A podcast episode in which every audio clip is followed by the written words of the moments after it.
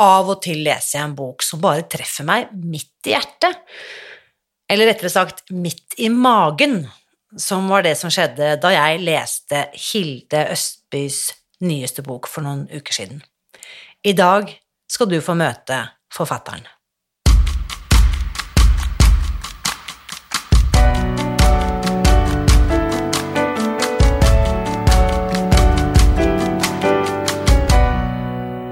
Mitt navn er Irina Li.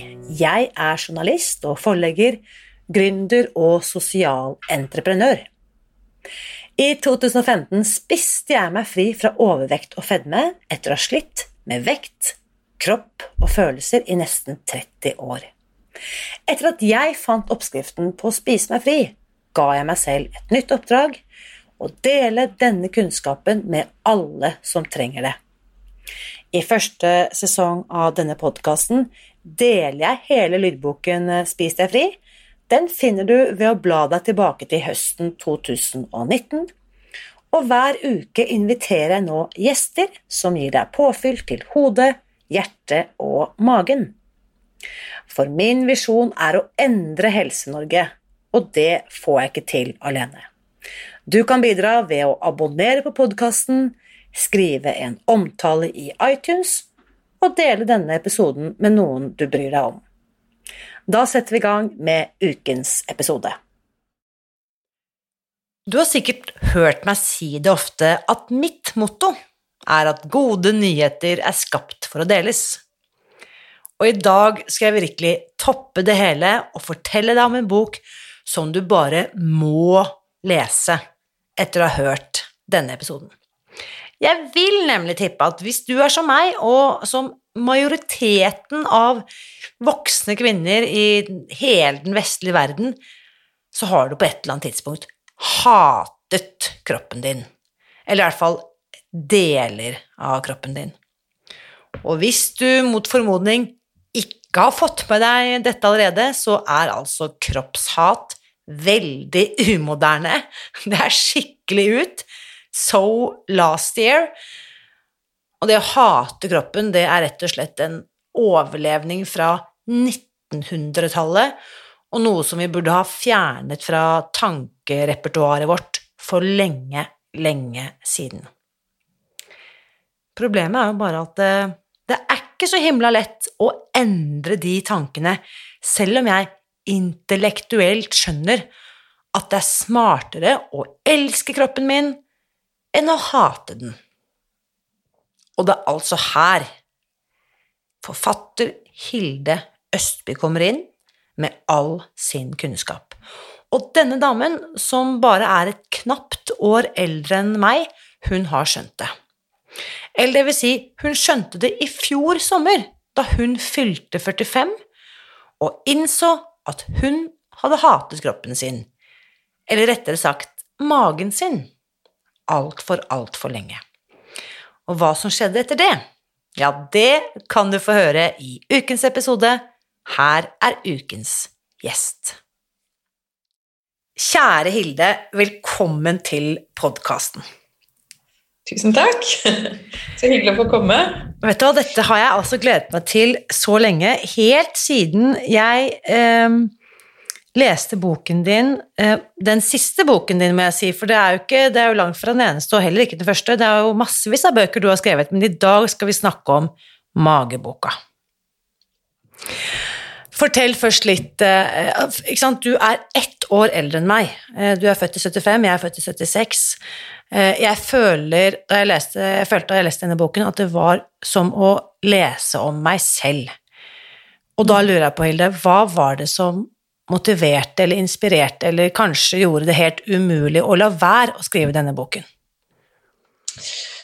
Ja, det var jo bare at jeg ble 45 år, og så ville jeg gjøre litt status opp for livet mitt. Jeg hadde liksom ikke tid til å ha sånn 40-årskrise da jeg ble 40, for da hadde jeg en ettåring. Eh, og hadde bare mer enn nok med å bare komme meg gjennom dagen og ikke sove osv. Men da jeg ble 45, så kom det sånne tanker som hva hva har jeg gjort i livet? Hva er det jeg har drevet med? Hva skal jeg gjøre fremover? Ikke minst. Og da slo det meg at jeg altså Etter å ha tenkt nøye gjennom det, så ble det klart for meg at jeg har hatet eh, magen min særlig, men altså kroppen min har jo generelt vært et problem, men særlig magen min har jeg hatet i 30 år, og det Jeg tenkte at jeg kan ikke ha det med meg inn i fremtiden. Kan dette kan ikke fortsette. Nå, Det slutter her. Og så skrev jeg et essay om det som jeg bare posta på Facebook, og så tenkte jeg at jeg skulle få sånn ti medlidenhetslikes da, fra folk jeg kjente, som ville tenke sånn 'Å, stakkars Hilde, hun hater magen sin'. Og så fikk jeg bare veldig veldig overveldende respons, og ekstremt mange som sa at de hadde det på samme måte, og da ble jeg forbanna, liksom. For jeg tenkte at det, det er ikke riktig. Og, og, og, de som Altså, det jeg oppdaget da mens jeg jobbet med å lage en bok, for da skjønte jeg jo etter hvert at det måtte bli en bok av det, eh, hvor jeg kunne prøve å jobbe meg inn i problematikken, altså sjekke forskning og undersøke nøyere hvor dette hatet kommer fra. Og da når jeg snakket med folk jeg kjente, så oppdaget jeg at nesten alle hadde et dårlig forhold til kroppen sin. Og det var ikke mulig å se det på dem. Det var ikke sånn Hun som ser så tynn og smashing ut, hun hater vel ikke kroppen sin. Eller ikke sant Hun som ha, er, er, litt lubna. Hun, hun ja, hun Ikke sant? Altså, det, det stemte ikke. Det, det, hadde ikke noe sammenheng eh, med hvordan folk så ut. eh, og ja, altså, det er jo relativt hvordan man vurderer skjønnhet. Eh, dessuten, jeg syns jo alle mine venner er nydelige. Men det jeg fant ut, var at forskningen bekreftet jo det. Eh, forskningen viste at negativt kroppsbilde har egentlig ingenting med eh, mm. hvordan det ser ut å gjøre. Det har noe helt annet å gjøre.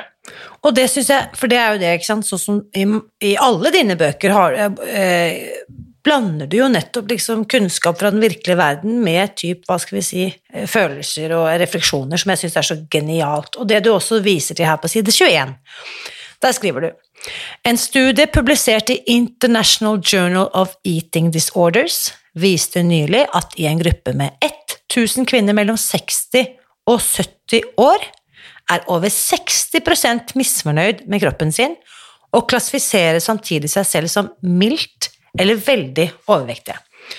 80% rapporterte at de kontrollerte matinntaket sitt. Og dette er da godt voksne mennesker på en måte, la oss si, siste halvdel av livet sitt, Um, og uten at jeg kan vise til forskning, så har jeg jo veldig tilsvarende data fra de som følger Spis deg fri. Noen rapporterer at de har forsøkt å slanke seg i over 50 år. Ja, og det knuser hjertet mitt. Og jeg tenkte at jeg, jeg, kan, jeg vil ikke bli en av de 60-70-åringene. Eh, fordi altså, Det at de kontrollerer matinntaket sitt i denne sammenhengen, betyr jo at de har et negativt forhold til både kropp og mat og at maten og kroppen henger sammen på en dårlig måte. Da. Men um, i tillegg så fant jeg en undersøkelse fra England som viste at en jevne 45-åring, altså meg, har prøvd å slanke seg 61 ganger, dvs. Si to ganger i året. da. Ikke sant? To ganger i året. Gå igjennom det ulykksalige prosjektet der. Og Så begynte jeg å sjekke forskning på slanking, og da ble det helt åpenbart for meg at Eh, det er, nest, altså, det er, nesten sånn at jeg vil kalle det kvakksalveri, altså. Eh, når det står på forsiden av Dagbladet 'Slik blir du med enkle grep kvitt eh, magefettet'. Altså, for, eh, for noe vrøvl og for noe liksom svart og destruktivt vi skal gå inn i for at noen skal tjene penger på våre klikk på internett, eller altså Alt dette er kortvarige løsninger som noen tjener penger på. Det er klart det er lurt å selge slankekurer. Du selger en enkel løsning. Når du ikke klarer den enkle løsningen, så er du en taper. Du begynner å hate deg selv enda mer. Forskning viser at du antageligvis går opp i vekt etter å ha prøvd å slanke deg på den måten der. Eh, og da er du i gang igjen. Du er enda noen kilo tyngre, og du hater kroppen din enda mer. Og du tror at det er din feil at du ikke klarte den slankekuren, og så går du løs på en ny. Og da kan du jo fort bli 61 stykker, da. Og det nekter jeg. Jeg nekter å gjøre det. 61 stykker, 61 slankekurer før fylte 45, det tror jeg faktisk eh, Da tror jeg at jeg ligger over det. Altså. Jeg, jeg forsøkte ikke å slanke meg to ganger i året gjennom 30 år. Jeg startet to ganger i måneden, vil jeg heller si. Jeg startet på'n igjen, da riktignok eh, samme kur ofte. Jeg, jeg, tok jo, jeg måtte le når jeg tenkte at det ene kostholds-, livsstils-, veiledningskurset jeg eh, deltok på, der var jeg jo medlem over ti år. Og så tenker jeg, hvor lenge skal jeg gå på en utdanning og skjønne at dette skjønner jeg ikke, dette får jeg ikke til? Altså det er snakk om, I tillegg da til å være dum, tjukk og tenke at jeg er lat, så blir jeg også tenke at jeg er treg i oppfattelsen, for jeg, dette får jeg jo ikke til. Ja, og, det, og, og så begynte jeg å lese om Eh, all diskriminering mot overvekt, og det gjorde meg også rasende. Eh, diskriminering mot overvekt i ansettelsesprosesser f.eks.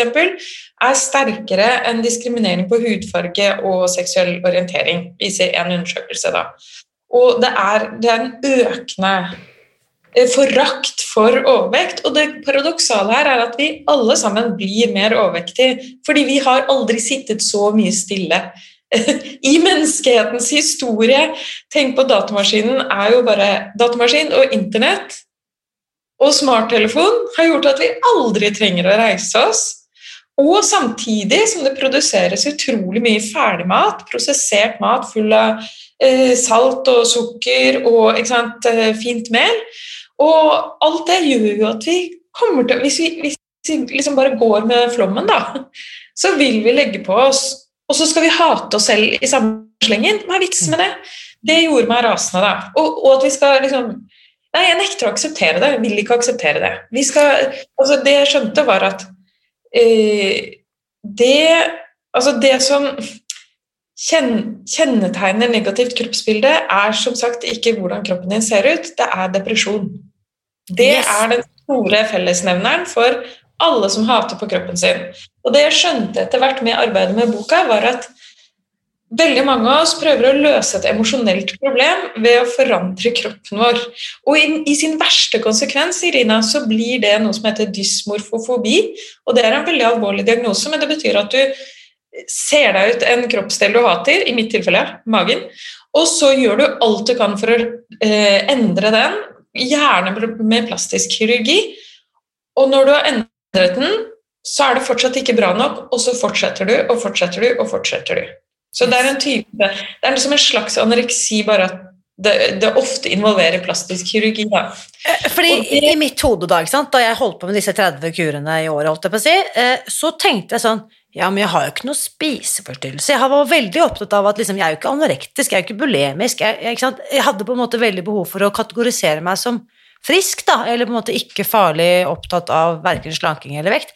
Men poenget er jo at eh, jeg var jo besatt. Det var jo veldig lite som tok så mye tankekapasitet. Så det er sånn som du sier, det er en forstyrrelse. Eh, ja, ja. Mm. alle, alle, jeg kjenner, altså veldig mange jeg kjenner, har jo et forstyrra forhold til mat. Og det gjorde meg også trist. Altså at um, Nei, jeg tenkte at det her kan ikke fortsette. Så dette er mitt kampskrift for eh, først og fremst for at vi må slutte å hate kroppen, eh, komme til kjernen av problemet. Det er, ikke, det er ikke det å endre kroppen som gjør deg lykkelig, det er å endre sjelen, da. Det er veldig vanskelig, det òg. Men endre innstilling, endre innstilling til kroppen. Jeg fant eh, jeg må bare si det før jeg glemmer det. Jeg fant jo, Mens jeg jobba med boka, så fant jeg jo eh, en kjempebra slankebok. Som er nesten like bra som Brightline Eating, fordi jeg liker den veldig godt. Eh, hun tenker jo sånn som jeg tenker. At eh, det skjer i hodet, da. Det meste av dette skjer i hodet. Vi må bare tilrettelegge for hodet, for at hodet skal ha det bra. Det er der det begynner. Men den eh, boka jeg fant, var fra 1588 og var skrevet av en mann som het Cornaro. Og han eh, jobbet i Venezia, han hadde spist og drukket veldig veldig mye og da han var sånn rundt 40. Kanskje, La oss late som han var 45, da. Han skriver bare at han var i 40-åra. Eh, så skjønte han at han måtte endre, endre, seg. Det gikk ikke. Han trodde han skulle dø. Eh, og så eh, Denne slankeboka skrev han da han var sånn 90 år. Og så fikk han en hva heter det, en åpenbaring. Han skjønte at, hvordan han skulle gjøre det. Han skriver Jeg passet på å kjenne etter hva jeg spiste. Og jeg merket meg at jeg likte ikke så godt fisk, men jeg likte lam. Og så passet jeg på å spise litt mindre enn det jeg trodde jeg skulle ha. Og så unngå negative følelser som melankoli og hat. Word. Og det, Word, word, som vi sier i 2021. Det er helt vilt. Og dette er altså i 1500 og hva for noe? 88. Men, og det gøye er at han forholder seg til et helt annet Jeg skriver om dette i boka også. Eh, han forholder seg til et helt annet menneskebilde enn det den moderne vestlige medisinen holder på med. Eh, så det, det liksom Den medisinen i gåseøynene som Cornaro forholdt seg til, det tror vi ikke på lenger. Eh, de jobbet med det som heter fire kroppsvæsker, humorallæren. Altså du, fire kroppsvæsker var blod, slim, svart galle, gul galle. Og så skulle de være i balanse, og hvis de ikke var i balanse, hvis du hadde for mye slim f.eks., så ble du flegmatisk og liksom slapp, og hvis du hadde for mye sant, eh, svart galle, så ble du melankoliker osv. Så, videre. så dette er jo selvfølgelig bullshit, men Men eh, det er jo noe som er veldig galt med det moderne forholdet til kroppen også. Vi, an, vi, tror at hjernen og kroppen er to atskilte deler. Og dette kommer fra Descartes på 1600-tallet, som eh, laget et helt definitivt skille mellom den rasjonelle sjelen og den irrasjonelle kroppen. Og um, jo mer rasjonell man var, jo mer kunne man føle smerte, f.eks. Altså, hvite menn ville jo føle mye mer smerte enn hvite kvinner, og barn følte ikke smerte i det hele tatt, faktisk. Så det var bare mekaniske rykninger hvis de viste tegn på smerte. Eller dyr, da du kunne plage dyr så mye du ville. De var bare mekanisk. Og det gjør noe med forholdet til kroppen også. Kroppen er en mekanisme. Det, den holdningen til kroppen er kimen til hele den moderne legevitenskapen. Og halleluja for den, og tusen takk. For ellers hadde vi jo ikke kunnet sitte her og håpe på en vaksine akkurat nå. Denne instrumentelle forholdet til kroppen. Men med det instrumentelle forholdet til kroppen så mista man noen. Man mista noe på veien. Man mista det som Cornaro skriver om. Det der med eh, at sjelen faktisk har noe med kroppen å gjøre. Og moderne eh, nevrovitenskap viser jo det veldig tydelig. Det er jo veldig mange angrep på den holdningen til kroppen som er i ferd med å trenge igjennom. Og Det er veldig viktig at vi skiller mellom de forskningsbaserte angrepene på det og sånn, Det er veldig mye i alternativ medisin og kvasivitenskap som kommer inn og angriper medisinen fra den andre kanten. Eh, viktig å bare holde de på lang avstand, og så eh, ta tak i det som er forskningsbasert tenker jeg. Fordi det, det, jeg tror er veldig viktig Når vi snakket sammen sant, i forkant av denne samtalen i dag, så husker jeg du sa til meg Jeg noterte her, jeg syns det var veldig godt sagt. Nasjonal kostholds, kostholdsplan 2017-2021, som vi nå er inne i dette regimet til, altså dette er jo et politisk vedtatt dokument, Nasjonal kostholdsplan, så sier du den tar ikke for seg at mat er følelser. Og da tenker jeg her er vi i noe av kjernen av problemet den moderne legevitenskapen og politikere og på en måte premissleverandører forholder seg til mat fortsatt som kalorier inn og kalorier ut. Ja. Mens jeg tenker at problemet er at det ikke er koblet over til nevrovitenskapen, det psykologiske fagfeltet. Det er det, det som er problemet. Hva tenker ja. du om det? Ja, det er jo det som er problemet. At det er akkurat som Ja, det er et sånn hyperrasjonelt forhold til mat, da. Hvis det bare hvis bare folk får vite at brokkoli er sunt, så spiser de det! og det er, det, er, det er, veldig få mennesker som ikke vet at brokkoli er sunt. Det er ikke sånn det foregår. Vi mm. må um, Jeg tenker at vi må adressere at vi bruker mat som trøst og som uh, til fest, til sosial, som sosialt lim vi bruker det når vi er ensomme, ikke minst. Altså, hvis det er noen ganger jeg tvangsspiser, så er det jo når jeg er alene og veldig ulykkelig. ikke sant? Det er en måte å fortrenge følelser på, eller håndtere følelser på. Regulere stress osv. Og, og det må vi forholde oss til hvis vi skal I tillegg til at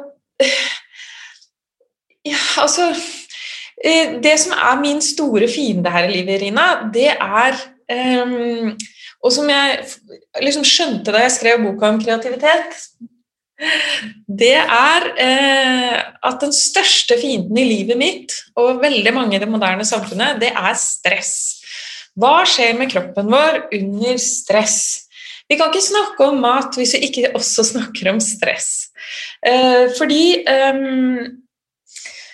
det som skjer når vi er stressa, er at eh, immunforsvaret synker dramatisk, fordi kroppen skal ikke vedlikeholde seg selv når vi er en stressreaksjon. Så er vi Det er da vi er på steppet når vi møter løven, og løven skal drepe oss. Og det eneste vi skal gjøre, er å komme oss unna. Vi skal ikke drive vedlikeholde kroppen da, så fordøyelsen blir satt på vent. Immunforsvaret Vi får en type sånn tunnelsyn. Hjernen blir veldig den blir mer primitiv. Så den hopper forbi alle de høyere funksjonene som sitter her i frontallappen, går rett til det vi kaller reptilhjernen. Vi går på automatikk, og den automatikken skal redde oss unna løvens klør. ikke sant? Du er mye mindre kreativ når du er stressa. Mm. Du har ikke tid til å bare leke, tulle, teste ut rare muligheter, kose deg, dele fortellinger etc. Du skal ut av det brennende huset med en eneste gang. Vi lever i en kultur hvor vi promoterer stress, og vi syns det er noe høyverdig med å jobbe mye mer enn det vi kanskje egentlig trenger. Um, altså den idealiseringen av stress, da, den er veldig skadelig for oss. Og det gjør selvfølgelig noe med fordøyelsen, som jeg sa, og det gjør noe med hvordan vi spiser, fordi vi, da bruker vi jo mat som premie og stressregulering, ikke mm. sant. Mm. Det er så interessant akkurat det du sier, for det er jo som du sier statussymbol, ikke sant, å haste, haste videre fra alltid har dårlig tid, og det å være liksom the busy man, han må være veldig, veldig viktig. Uh, og det er, jo, det, det er jo bare å kjenne på sin egen kropp. Hvis jeg løper gjennom hele dagen, så får aldri kroppen tid til å fordøye maten det stopper opp. Eh, det, er, det, blir rett og slett eh, blokk. Og senest denne uke så var det en kursdeltaker som spurte meg ja, jeg sliter sånn med eh, på en måte forstoppet mage, treg mage. Og det første jeg spør om, hvor mye sover du?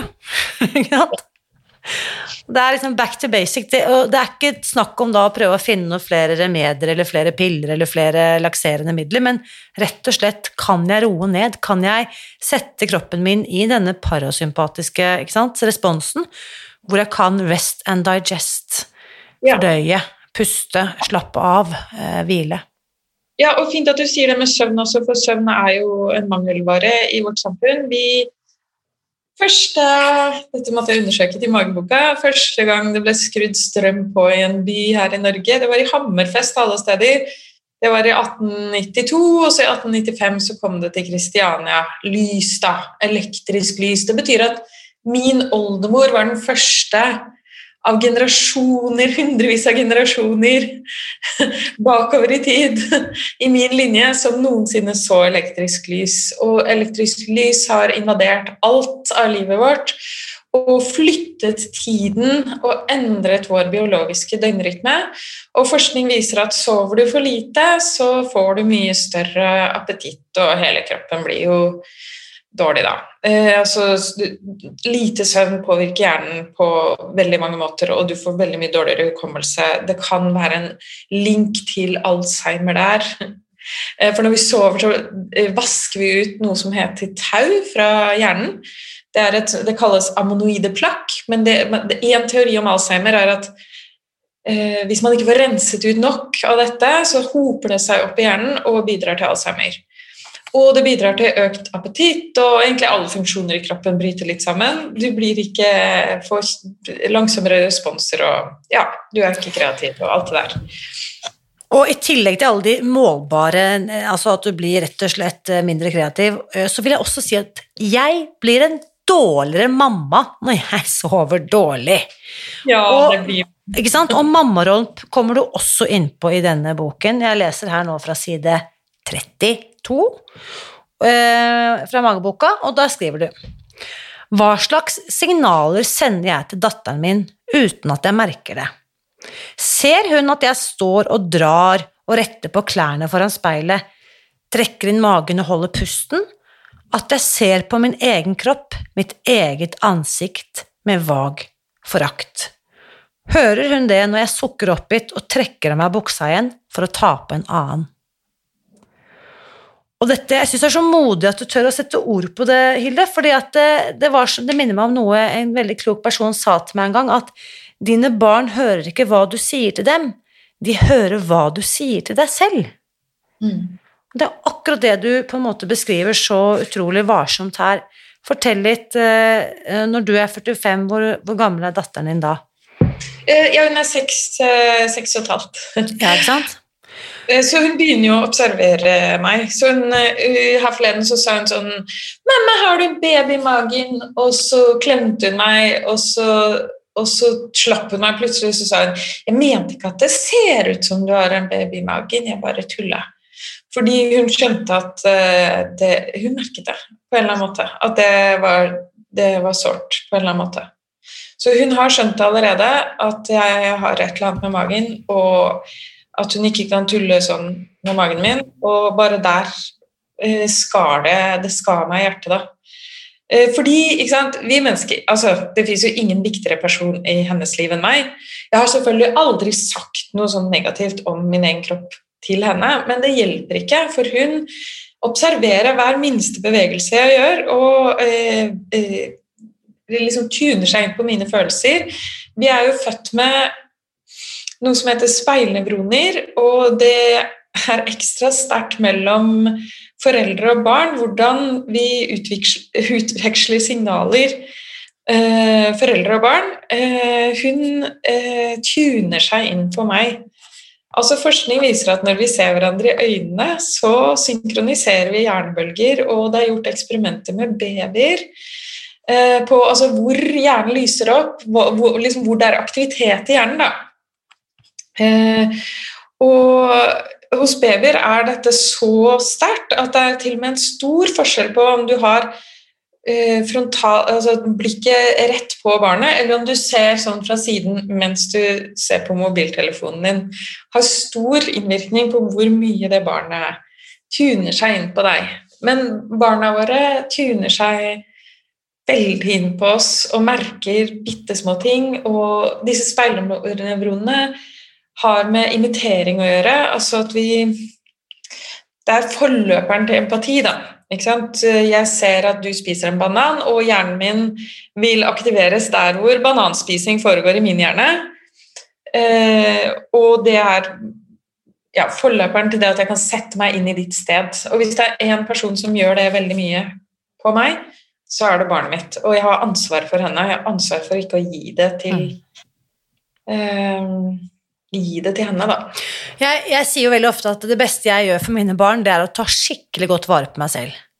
Uh, ja. Men det er det jo ingen som forteller oss. Nei, det føler jeg jo forsvinner litt i barselsomsorg, da. At uh, det er veldig mye snakk om amming og gi D-vitaminer til babyen, og det er liksom mye sånn praktisk rundt det, men at jeg fikk jo en skikkelig depresjon fordi jeg ble feilernært når jeg ammet. Så jeg fikk sånn ekstrem D-vitaminmangel og gikk rett til bakken. Og det var veldig rart at ikke det var mer viktig for helsestasjonen å passe på at ikke jeg gikk i bakken, da. Mm. Og nå er, jeg, altså, nå, nå er jeg Ja, jeg har sett mange nå under korona, da jeg har hørt mange historier om folk som går skikkelig i bakken med baby. Uh, og hvor jeg kan ikke forstå at um, Ja. Jeg kan ikke forstå at det ikke er mer hjelp til mødre i den situasjonen. For når moren ikke fungerer, så går det jo ikke. Da Nei, går det ikke. Da går det ikke, rett og slett. Og eh, her vil jeg både, bare empower all the mamas. Ta godt vare på deg selv. Eh, barnet ditt fortjener det virkelig. Det er ikke egoistisk, det er ikke feil å be om hjelp. Tvert imot, det er kanskje noe av det beste du kan gjøre når, eh, når det er behov for det. Mm. Ja. ja.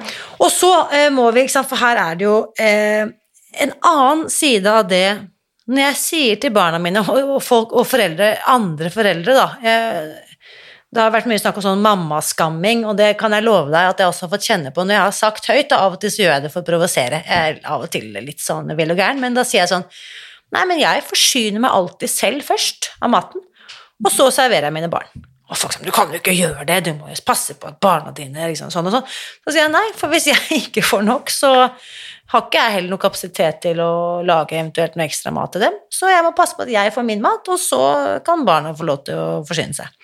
Jeg føler der, kan vi, der kan vi bruke eksempler fra flytrafikken, som vi nå sikkert har glemt. Ja. Men du skal jo alltid ta på surstoffmasken på deg selv først, og så på ditt barn. Yes. Fordi du kan redde barnet, men barnet kan ikke redde deg. Nettopp. Så, og det som jeg også syns er viktig, for du skriver jo også om en del eh, temaer i denne boken, bl.a. om overgrep. Ja. Som jo jeg tenker at mange av oss som har eh, spist oss inn i overvekt og fedme, vi bærer på ulike hva skal vi si, følelser av alle slag, og noen også mer eh, på en måte definerbare traumer. Ikke nødvendigvis, men også det, ikke sant. Og så tenker jeg det i forhold til Nå har jo jeg to jenter. Eh, så tenker jeg hvordan skal mine jenter lære å sette grenser og sette seg selv først og si tydelig ja og nei, hvis ikke de har en mamma eller en pappa som gjør akkurat det? Så jeg er nysgjerrig på, Hilde, hva tenker du liksom om det med grensesetting og ivareta meg selv, og også det å på en måte bli en robust eh, barn, tenåring, voksen, eh, ung kvinne i denne litt sånn brutale verdenen? Ja, nei, det er jo det at ja, Punkt én, bare haugevis av kjærlighet, selvfølgelig. Og eh, at hun ser at jeg kan ta vare på meg selv, vil lære henne å ta vare på seg selv, og at det er tydelige grenser i livet. For hva, og veldig rutin Jeg lever jo ekstremt rutinemessig. Det er jo ikke noe, ikke noe vilt eh, forfatterliv, akkurat. Ni til fire, altså. Ni til fire, middag nøyaktig fem. Aldri noe slinger i valsen, altså. Det må jeg si. Ik ikke noe sånn bohemaktig eh, skriving til tidlig. Nå sitter vi her med hvert vårt stetteglass, men det er jo fylt da med forfriskende vann, eller hva er det du har i glasset ditt? Ja, ja Farris, faktisk, må jeg innrømme. Ikke sant? Ja. Så det er det villeste vi tillater oss en lørdag i mars. Men, men fortell um, dette her strukturerte livet òg, ikke sant. Uh, uh, det er jo kanskje ikke det som du sier folk kanskje forbinder med uh, kreative yrker? Nei, men så undersøkte jeg det i forbindelse med kreativitetsboka, og det er helt åpenbart at Eh, kunstnerklisjeen om eh, sant, det ville, utagerende livet, mye alkohol, dop, eh, overskridende sex ja, Ikke ni til fire, da. det depressive, mannlige, ensomme geni. Det er 100% bullshit, altså. Det er laget for å selge en klisjé. Altså, det fortsetter å selge seg, da, men det er Eh, forskning på folk som jobber kreativt, viser at depresjon er eh, Hvis det er noe som dreper kreativiteten, så er det depresjon. Og um, eh, altså at man skal være ensom Det er klart du må være for deg selv og tenke noen tanker, men selve det kreative arbeidet handler jo om at du vil dele noe med andre. Så um, det er jo mange som ja, nå leser jeg nettopp veldig mye ensomhetsforskning, og et poeng jeg fant i ensomhetsforskningen, er at fortellinger er i sin natur eh, en forsøk på å bringe folk sammen. Eh, det er Å være forfatter er å jobbe med å oppheve ensomhet og dele noe. Menneskekulturen hadde ikke nådd så langt som den har i dag hvis ikke vi hadde samarbeidet, hvis ikke vi hadde lært av de som gjorde noe før oss. Følte eh, at det ble, fikk jeg kjent at jeg kunne rette meg opp litt i ryggen. Nå kan jeg kalle meg liksom at I mitt arbeid som forfatter har jeg også bidratt til å liksom redusere ensomheten. Det er jo fantastisk. Ja, ja det, er helt, eh, det, er helt, sant. Um, og vi deler fortellinger i parasympaticus når vi er ikke stressa. Uh, altså, mye alkohol gjør bare at hjernen blir veldig dårlig. Den fungerer veldig dårlig av alkohol. Så det er jo veldig fristende å drikke alkohol fordi det tar bort hemninger. Men den forskningen jeg har sett på, viser at det tar bare bort hemninger mot å drikke mer alkohol. så du tar det første glasset. Jo fortere du mister hemninger etter det første glasset, jo mer er det en prediktor for at du utvikler alkoholisme. Så, og dop det har man ingen oversikt over. Selv ikke psykofarmaka som utskrives av leger, eh, vet man egentlig hvordan fungerer. Mm. og det eh, Altså Bare en ting som Prozac. Jeg kjenner jeg er veldig veldig skeptisk til lykkepillen etter alt jeg har lest om den. Den er jo egentlig utviklet uh, altså man, man laget uh, dette legemiddelet og håpet man kunne bruke det mot, uh, blod, som en blodtrykksmedisin. Og så hadde det noen bivirkninger som man tenkte var lurt for depresjon, altså at man blir veldig aktiv etc. Men man har egentlig ikke oversikt over hva det gjør med den individuelle hjerne. Eh, vi vet såpass lite om hjernen, faktisk. Mm. Så det er eh, tombola. Og ikke sant, det derre um, Det du på en måte så veldig godt beskriver i din bok, nettopp det at vi må knytte maten opp til følelser og mindre opp til sant, kilokalorier og alt dette greiene her. La meg ta først, da. Min egen opplevelse av det å faktisk gå ned 30 kilo og havne i kategorien normalvektig, som jeg trodde skulle liksom være lyset, livet og lykken til evig tid, og så oppdage at å ja, jeg er fortsatt masse jeg er misfornøyd med, og har fortsatt den samme kjæresten, og han er fortsatt like irriterende, og barna mine er fortsatt like, ikke sant. Livet mitt ble jo på ingen måte liksom lyserosa, selv om vekten hadde gått ned. Og det er også et bevis, da, tenker jeg, et anekdotisk bevis på at det egentlig ikke handler om størrelse på den kroppen. Men eh, da hadde jeg jo i hvert fall ikke lenger overvekten og fedmen å skylde på, da, at jeg hadde det dårlig, men da kunne jeg, i den prosessen så oppdaget jeg jo veldig mange andre gode verktøy for å ta bedre vare på meg selv, som jeg tenker er det viktigste alltid. Ja, for det begynner jo på en måte med egenkjærligheten. Altså nå, Inspirert av eh, Brightline-bøkene som du sendte meg, så eh, har jeg igjen kuttet ut sukker. Jeg har gjort det i lange perioder før. Men det Og så kuttet jeg ut koffein, for jeg kjente at det stressa meg veldig. Og alt som er stress, gjør meg dårlig. Og det, ja. og det løser jo ikke alt, men det bare det er klart at eh, Da får jeg et klarere hode som gjør at jeg kan løse de andre tingene mye lettere. Yes. Mm. Det er det jeg er ute etter. Jeg vil bare uh, Jeg vil bruke mindre tid på å hate kroppen min, og jeg vil bruke mindre krefter på det med mat. Og jeg vil ikke bli sliten av å spise. Og sukker gjør meg sliten, og det kjenner jeg veldig når jeg har stoppa med både sukker og mel. Da. Og da, da er liksom hodet klarere og det er det jeg er ute etter. Fantastisk. Jeg vil påstå, dette har jeg ikke noe forskning å belegge for, men igjen, eh, med mitt eget laboratorium da, og min egen kropp, jeg opplevde at min kreativitet gikk i taket, Hilde, etter at jeg kuttet ut drittmatten, for å si det sånn. Ja. Tenkte klarere, ble mer kreativ, så løsninger hvor jeg før bare ville sett begrensninger, og kjente at det skjedde noe sånn fysiologisk. Det var kanskje noe med alle disse lappene i hjernen som begynte å snakke sammen på en uh, ny måte. Ja, men du får mer eh, overskudd energi. Altså, det jeg fant ut i kreativitetsboka, er jo at altså, hjernen er i sin natur kreativ. Så det er ikke sånn at noen mennesker er kreative, og andre ikke er det. Det, det skjer ikke. Hjernen eh, Vi lærer ting ved å knytte det til assosiasjoner og tankestrømmer vi har allerede, så vi farger alt vi ser med vår egen livshistorie, med våre egne følelser, og um, det er en kreativ prosess. Bare å være i verden betyr at vi lager fortellinger og sammenhenger der det kanskje ikke er noen engang. Altså bare se på det vellet av idiotiske konspirasjonsteorier som spres nå, så vet vi at folk er kreative hele tiden, selv når det ikke er noen, noen uh, selv når det er punkter som ikke skal forbindes, så vil vi forbinde dem. Yep. Så vi er kreative hele tiden. Men det jeg fant ut også i den boka, var at det er noen ting vi må gjøre for å legge til rette for den kreativiteten. Da. Og det, det er mange ting vi kan gjøre for å ta vare på hjernen vår. Sove godt og passe lenge. Eh, Mosjonere.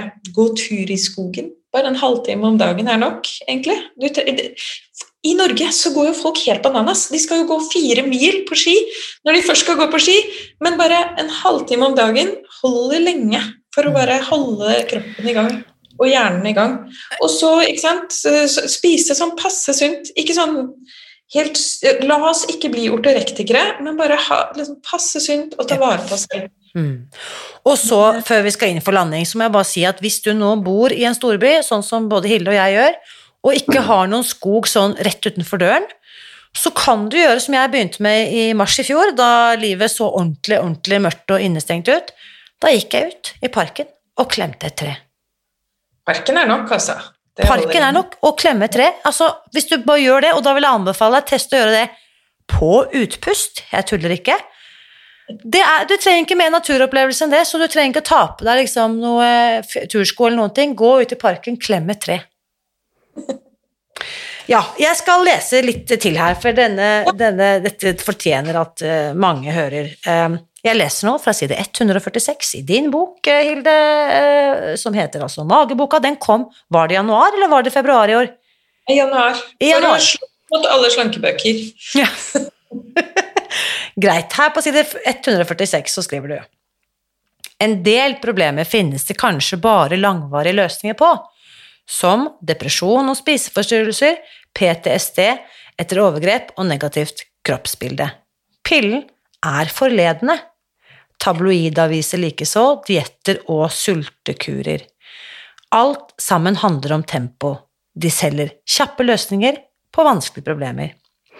Noen ganger er kjapt bra, men andre ganger gjør det at du ikke gir deg selv nok egenkjærlighet, eller prøver å finne de mer komplekse grunnene til at det er blitt som det er blitt.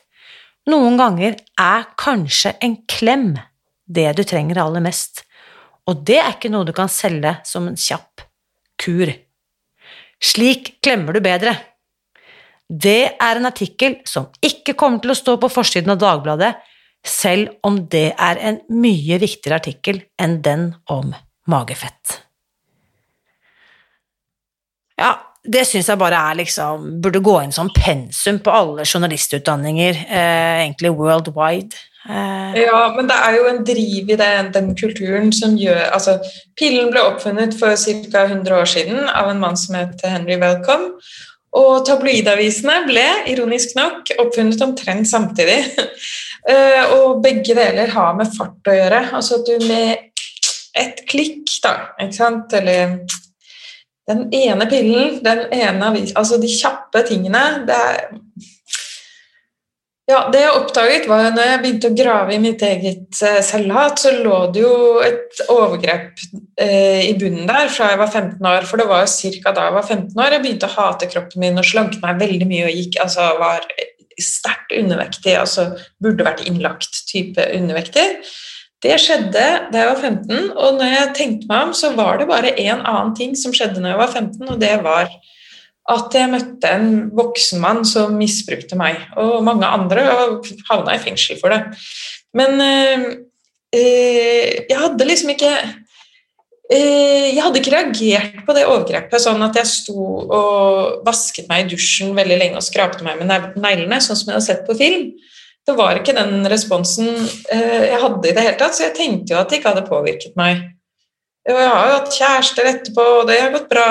og ikke sant, det er jo ikke noe Jeg skjønte ikke at eh, den forakten for kroppen min hadde noe med det overgrepet å gjøre.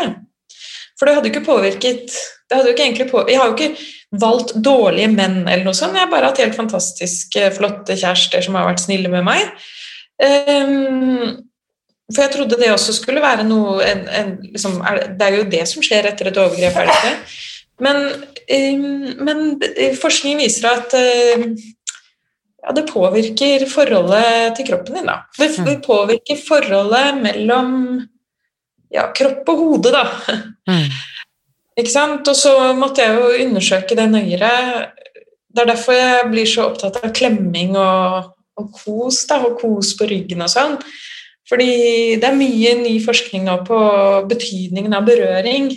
Et overgrep er jo det motsatte av berøring. Det er jo en tvangsmessig berøring. Det er jo noe du ikke vil ha på kroppen din.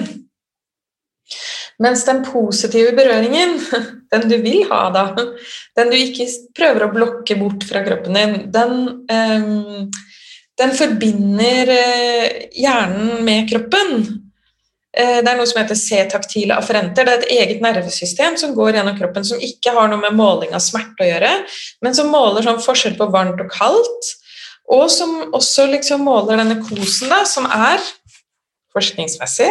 Dette er forskningsmessig kos. 3-5 cm i sekundet. Det er den perfekte kosen.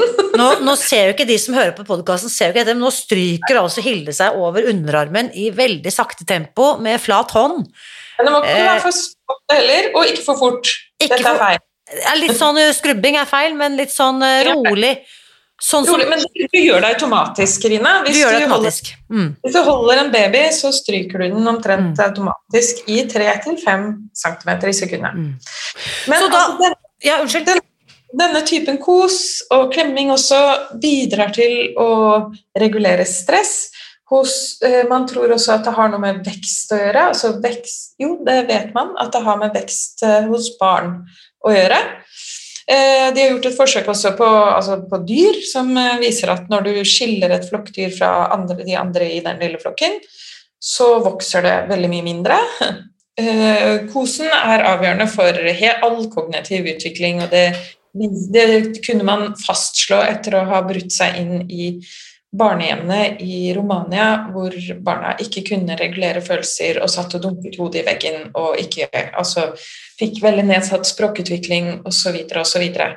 så kosen er på en måte det er nøkkelen til å forbinde kropp og sjel, og til å roe ned stress og, ja, og til å forbinde oss med hverandre. Fordi til syvende og sist så vil jeg jo at vi slutter å tenke på oss selv som individuelle objekter for estetisk vurdering eller for begjær. Det er jo en del av det som ligger bak alt det kroppshatet. At du tror at du alene skal bli sett på som et objekt for begjær eller estetiske dommer, eh, når du egentlig er knytta til alle menneskene rundt deg, og det er de menneskene og deg sammen som er noe Vi er organismer sammen med andre mennesker. Vi er ikke vi er ikke en øy. vi er ikke en øy, takk for det. Og da, hvis vi er da strandet alene på en øy Denne kosen kan vi faktisk gi oss selv, ikke sant? Ja, ja, vi kan også selvstimulere. Men det er, grunn, det er, en grunn til at vi har alle disse C-taktile afferentene også på ryggen.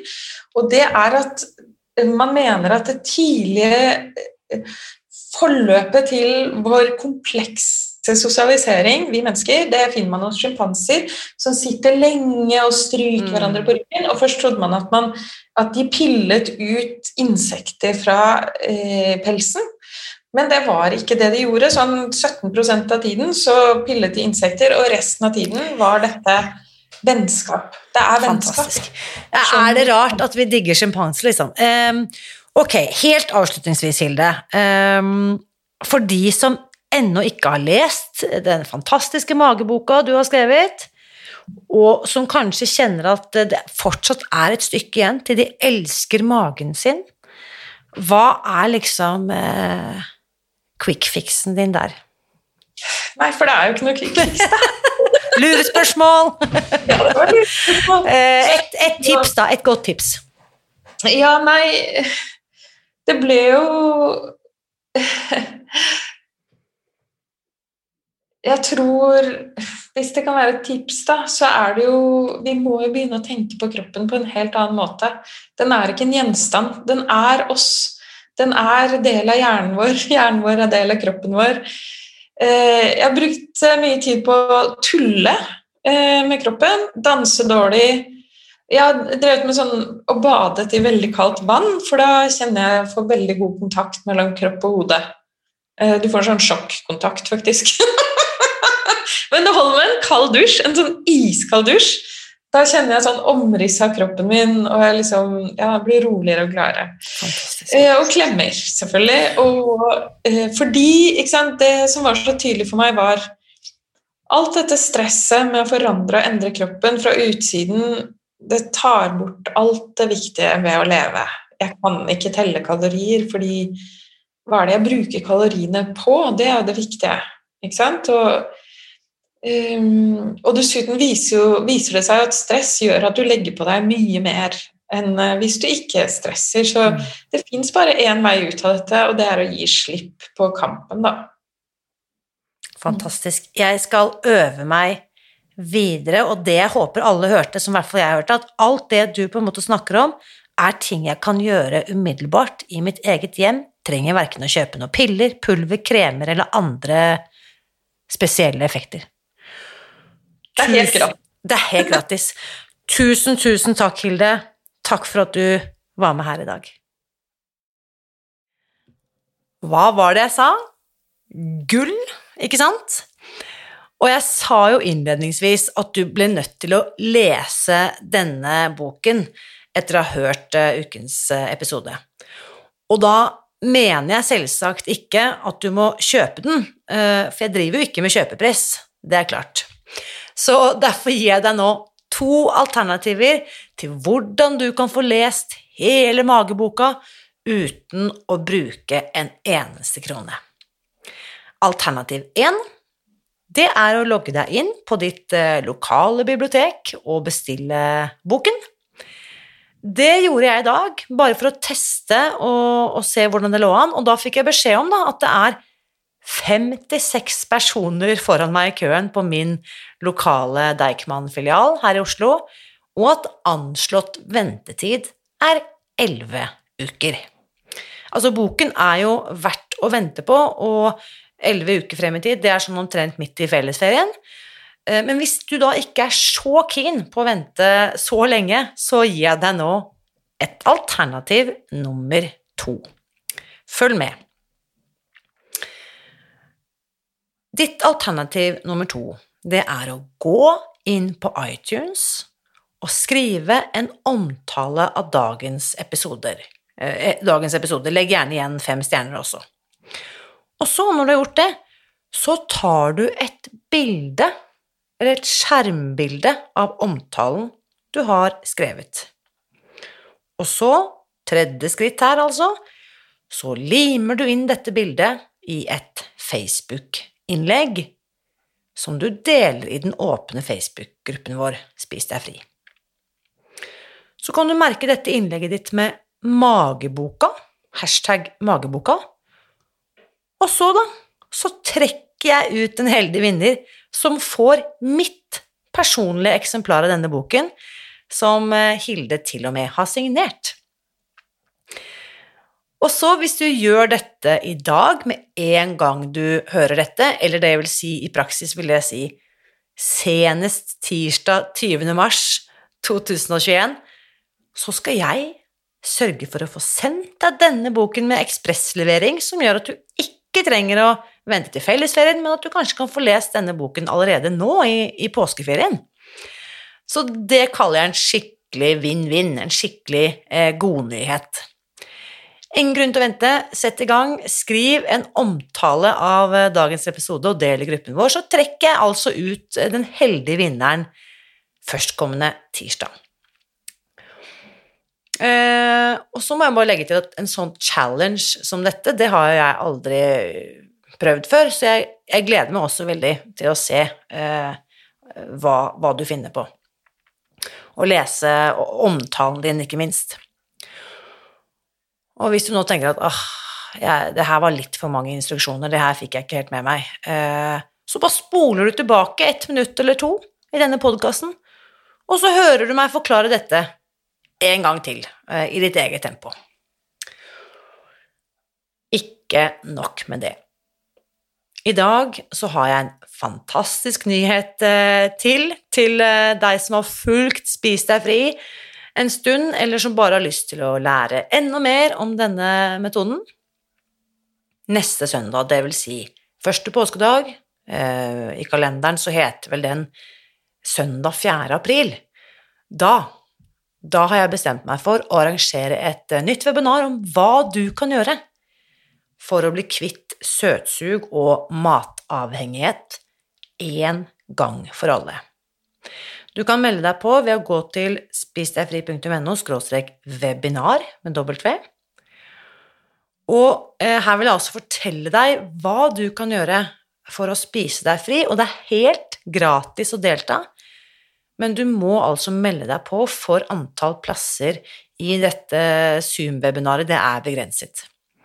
Og da kan jeg jo legge til at sist jeg arrangerte et gratis webinar, det var vel i begynnelsen av eh, januar i år, da sprengte vi rett og slett Zoom-kapasiteten eh, totalt. Det har aldri skjedd før, men det skjedde nå i januar.